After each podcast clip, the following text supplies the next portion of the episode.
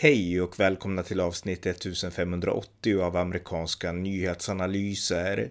En konservativ podcast med mig, Ronny Berggren, som kan stödjas på swishnummer 070-30 28 95 0. Idag höll riksdagen en förtroendeomröstning om justitieminister Morgan Johansson som överlevde med minsta möjliga marginal.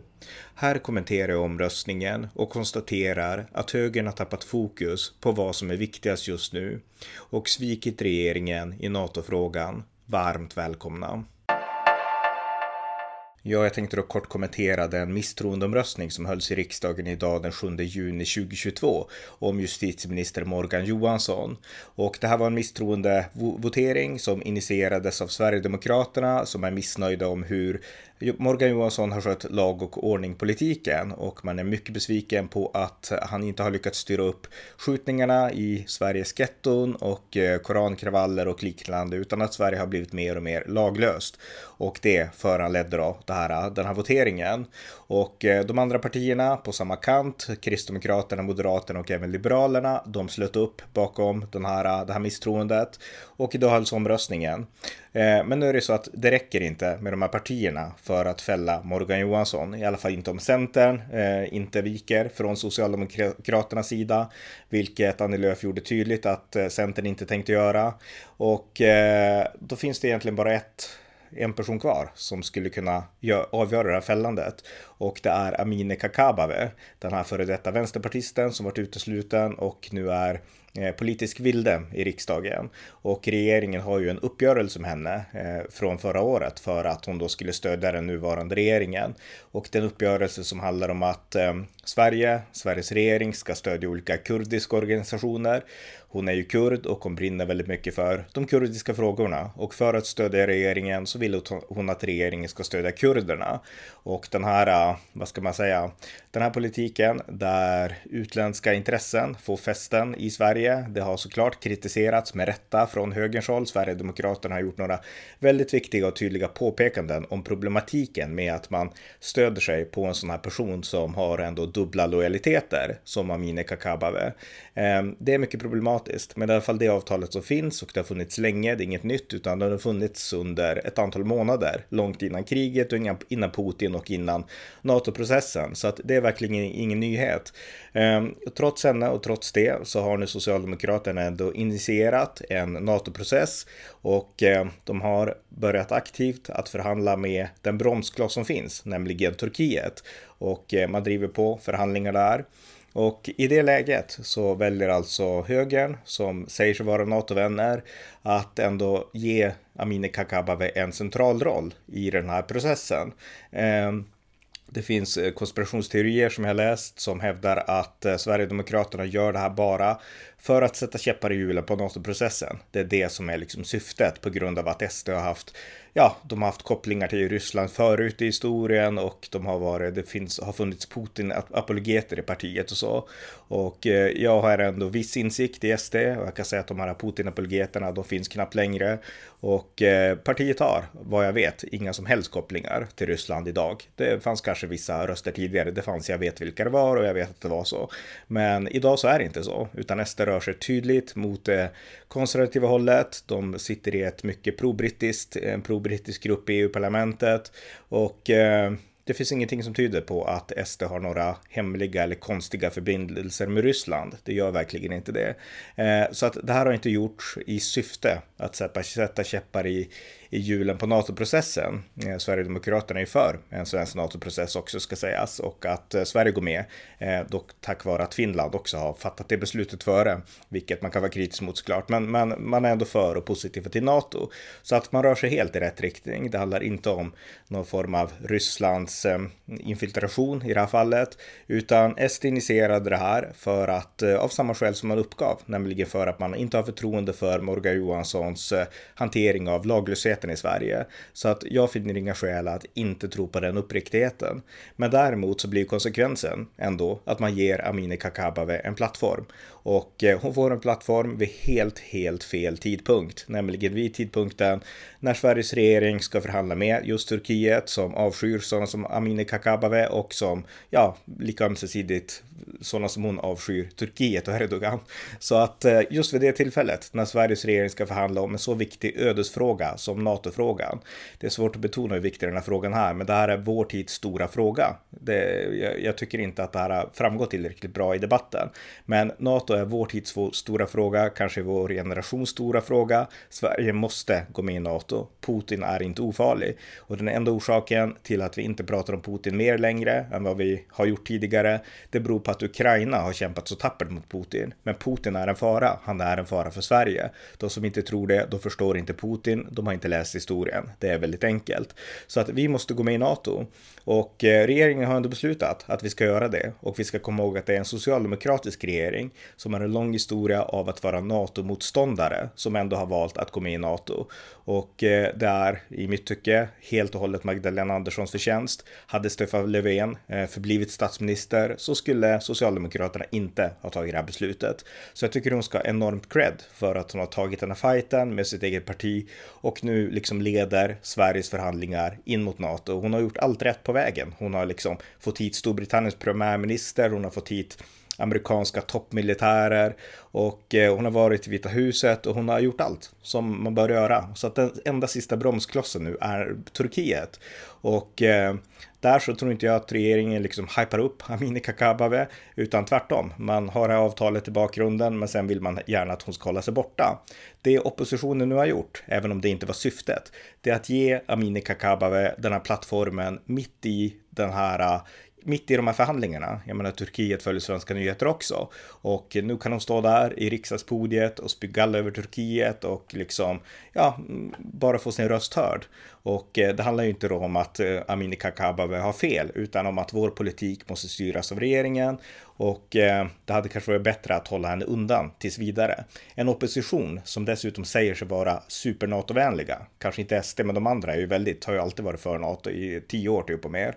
Eh, så Eh, kan man tycka också att var det bara prat? Var det liksom inte, när det verkligen gällde, var det inte viktigt då att tänka på vad är bäst strategiskt för att ro det här i hamn? Och det känns inte som att någon har tänkt så. Ulf Kristersson, han var ju känd för att han skulle vara den vuxne i rummet och i NATO-frågan så tog han initialt ett tydligt ledarskap. Han sa tydligt i våras att Sverige måste gå med i NATO. Han höll väldigt bra tal i den riktningen. Han deltog tillsammans med Magdalena Andersson i många olika sammanhang där han betonade att NATO måste stå över partipolitiken.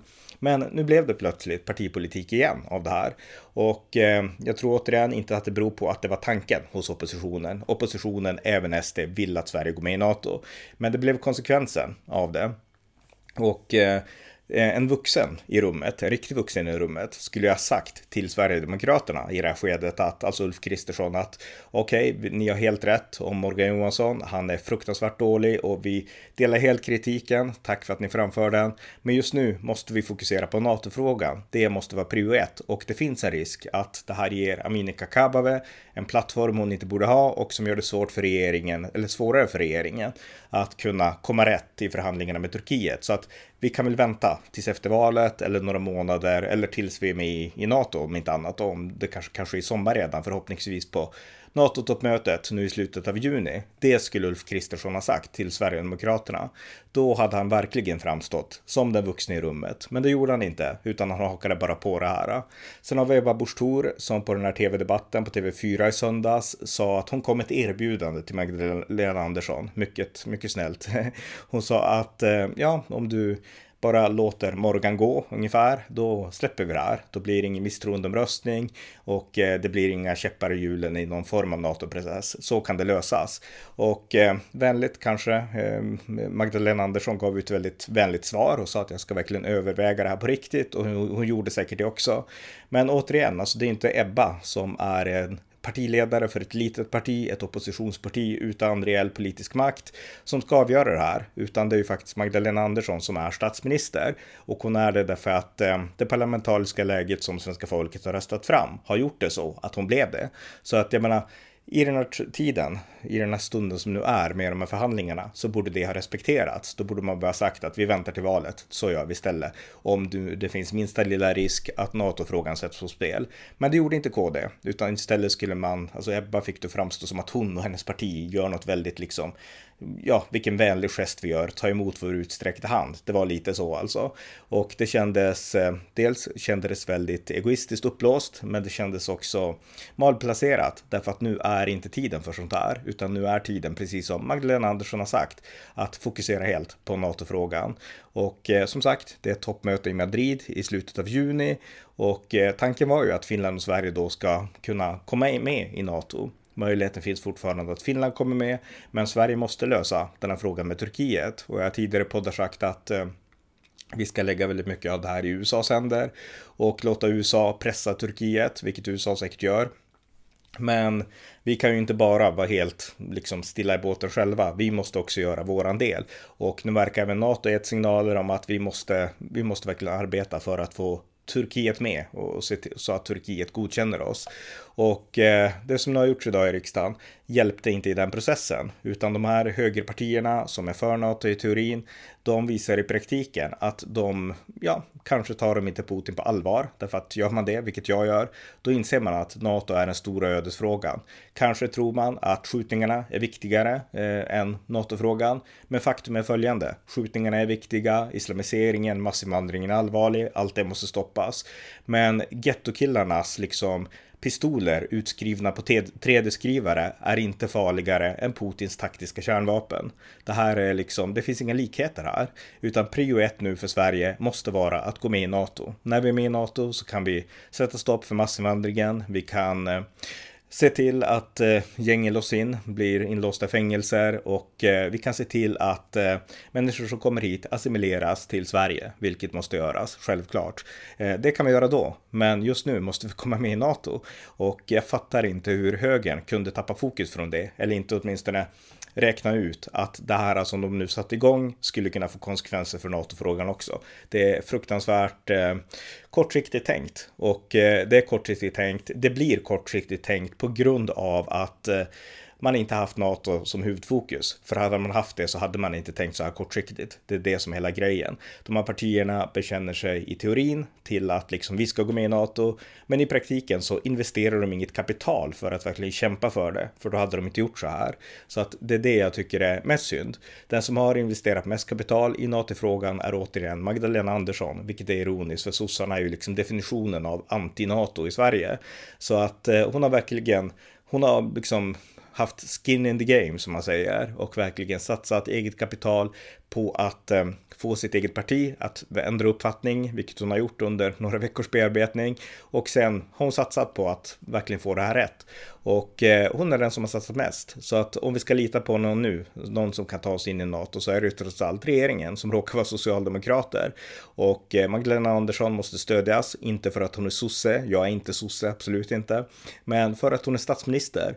Och där krävs det en lojal opposition i tider av krig och kris. Och en lojal opposition skapar inte regeringskris när det är liksom allvarliga NATO-förhandlingar på, på gång så, som det är nu. Så att det här var inte bra eh, av högern tycker jag faktiskt. Utan det var tråkigt, det var beklagligt, det var kortsiktigt tänkt och eh, man får helt enkelt ändra sig. Valet, jag menar, valet kommer vi att ha den 11 september i år och eh, då kan Sverigedemokraterna, Moderaterna, Kristdemokraterna, Liberala kampanja massvis på alla goda anledningar till varför Socialdemokraterna måste få sparken och en högerregering eh, får makten i Sverige, vilket jag är helt för. Men eh, det får man göra då, tycker jag. Och eh, man bör inte liksom sätta igång det här nu. För nu, så länge Magdalena Andersson är statsminister, så är det hon som har ansvar för den viktigaste frågan i vår tid, nämligen svenskt NATO-medlemskap. Och eh, hon fick det besvärligare på grund av det som hände idag. Och det är mycket, mycket beklagligt tycker jag. Eh, så att eh, skärpning högern. Eh, vi behöver en höger som inte bara kollar på vad man ska göra rätt inför nästa nästkommande val eller det närmast uppkommande valet, utan hur man ska göra rätt för att rädda den västerländska civilisationen. Och just nu så är NATO viktigare än allt faktiskt. Och återigen, det är ett NATO-möte inom tre veckor. Jag menar, jag förmodar bara att högern har många tankar inför det här NATO-mötet toppmötet. Hur man planerar, hur man liksom samspråkar, hur man förbereder, hur man backar upp regeringen i de här förhandlingarna. Och hur man får på Turkiet på rätt sida. Jag menar, även om de, de är i opposition så måste de ju ha planer för det här. Varje olika partier. Jag skulle vilja höra de planerna och inte bara liksom prata om massa andra saker. Utan vilka planer har oppositionspartierna för att hjälpa regeringen att få Sverige in i NATO? Det blir jag väldigt nyfiken på när man följer en dag som denna. Så att det var några av mina tankar om det här. Eh, återigen, jag tycker att högern hade kunnat agera bättre och eh, man kan också tycka såklart att ja, Magdalena Andersson borde kanske bara kickat Morgan Johansson. Kanske borde hon ha gjort det, men eh, jag har inget svar på om han är viktig eller inte i förhandlingarna med Turkiet. Är han det så kanske hon inte kan göra det så lättvindigt. Och därtill, det är hon som är statsminister, det här är Sveriges regering, det är kris, krigstider i Europa och i de tiderna så bör oppositionen vara lojal på ett sätt den bevisligen inte har varit. Och den sämsta av alla här är tyvärr Ulf Kristersson. Han var inte den vuxna i rummet och eh, han lämnade egentligen statsministern lite i sticket också, för det var han som stack ut hakan mest för några veckor sedan och pratade om att vi ska stå tillsammans, vi ska göra det här tillsammans och så vidare. Och eh, jag antar att han inte ville bli betraktad som någon slags eh, sossepudel och att det var därför han gjorde det här, för att han vill visa att han är stark och beslutsam. Men det intryck som ges det är snarare tvärtom. Han är en flygel som blåser åt det håll vinden blåser och eh, bara svaghet helt enkelt. Eh, med respekt för Sverigedemokraterna de har ändå fått rätt i de här gettoinvandringsfrågorna i tid och evighet. Inget annat parti har fått så konsekvent rätt som SD i de här frågorna. Men SD har tyvärr inte riktigt fortfarande insett vikten av att allt nu handlar om att vi ska gå med i NATO. Där har SD fortfarande sina akilleshäl. Så att det var lite mitt take på det här. Eh, Eh, jag återkommer om amerikansk politik och annat snart igen. Det var avsnitt 1580 av amerikanska nyhetsanalyser. Det avslutningsvis skulle vilja mana er som har möjlighet att skänka en slant till valfri organisation som stöder Ukraina. Vill ni stödja podden kan det också göras på swishnummer 070-30 28 95 0. Det var allt för denna gång. Tack för att ni har lyssnat. Thank you.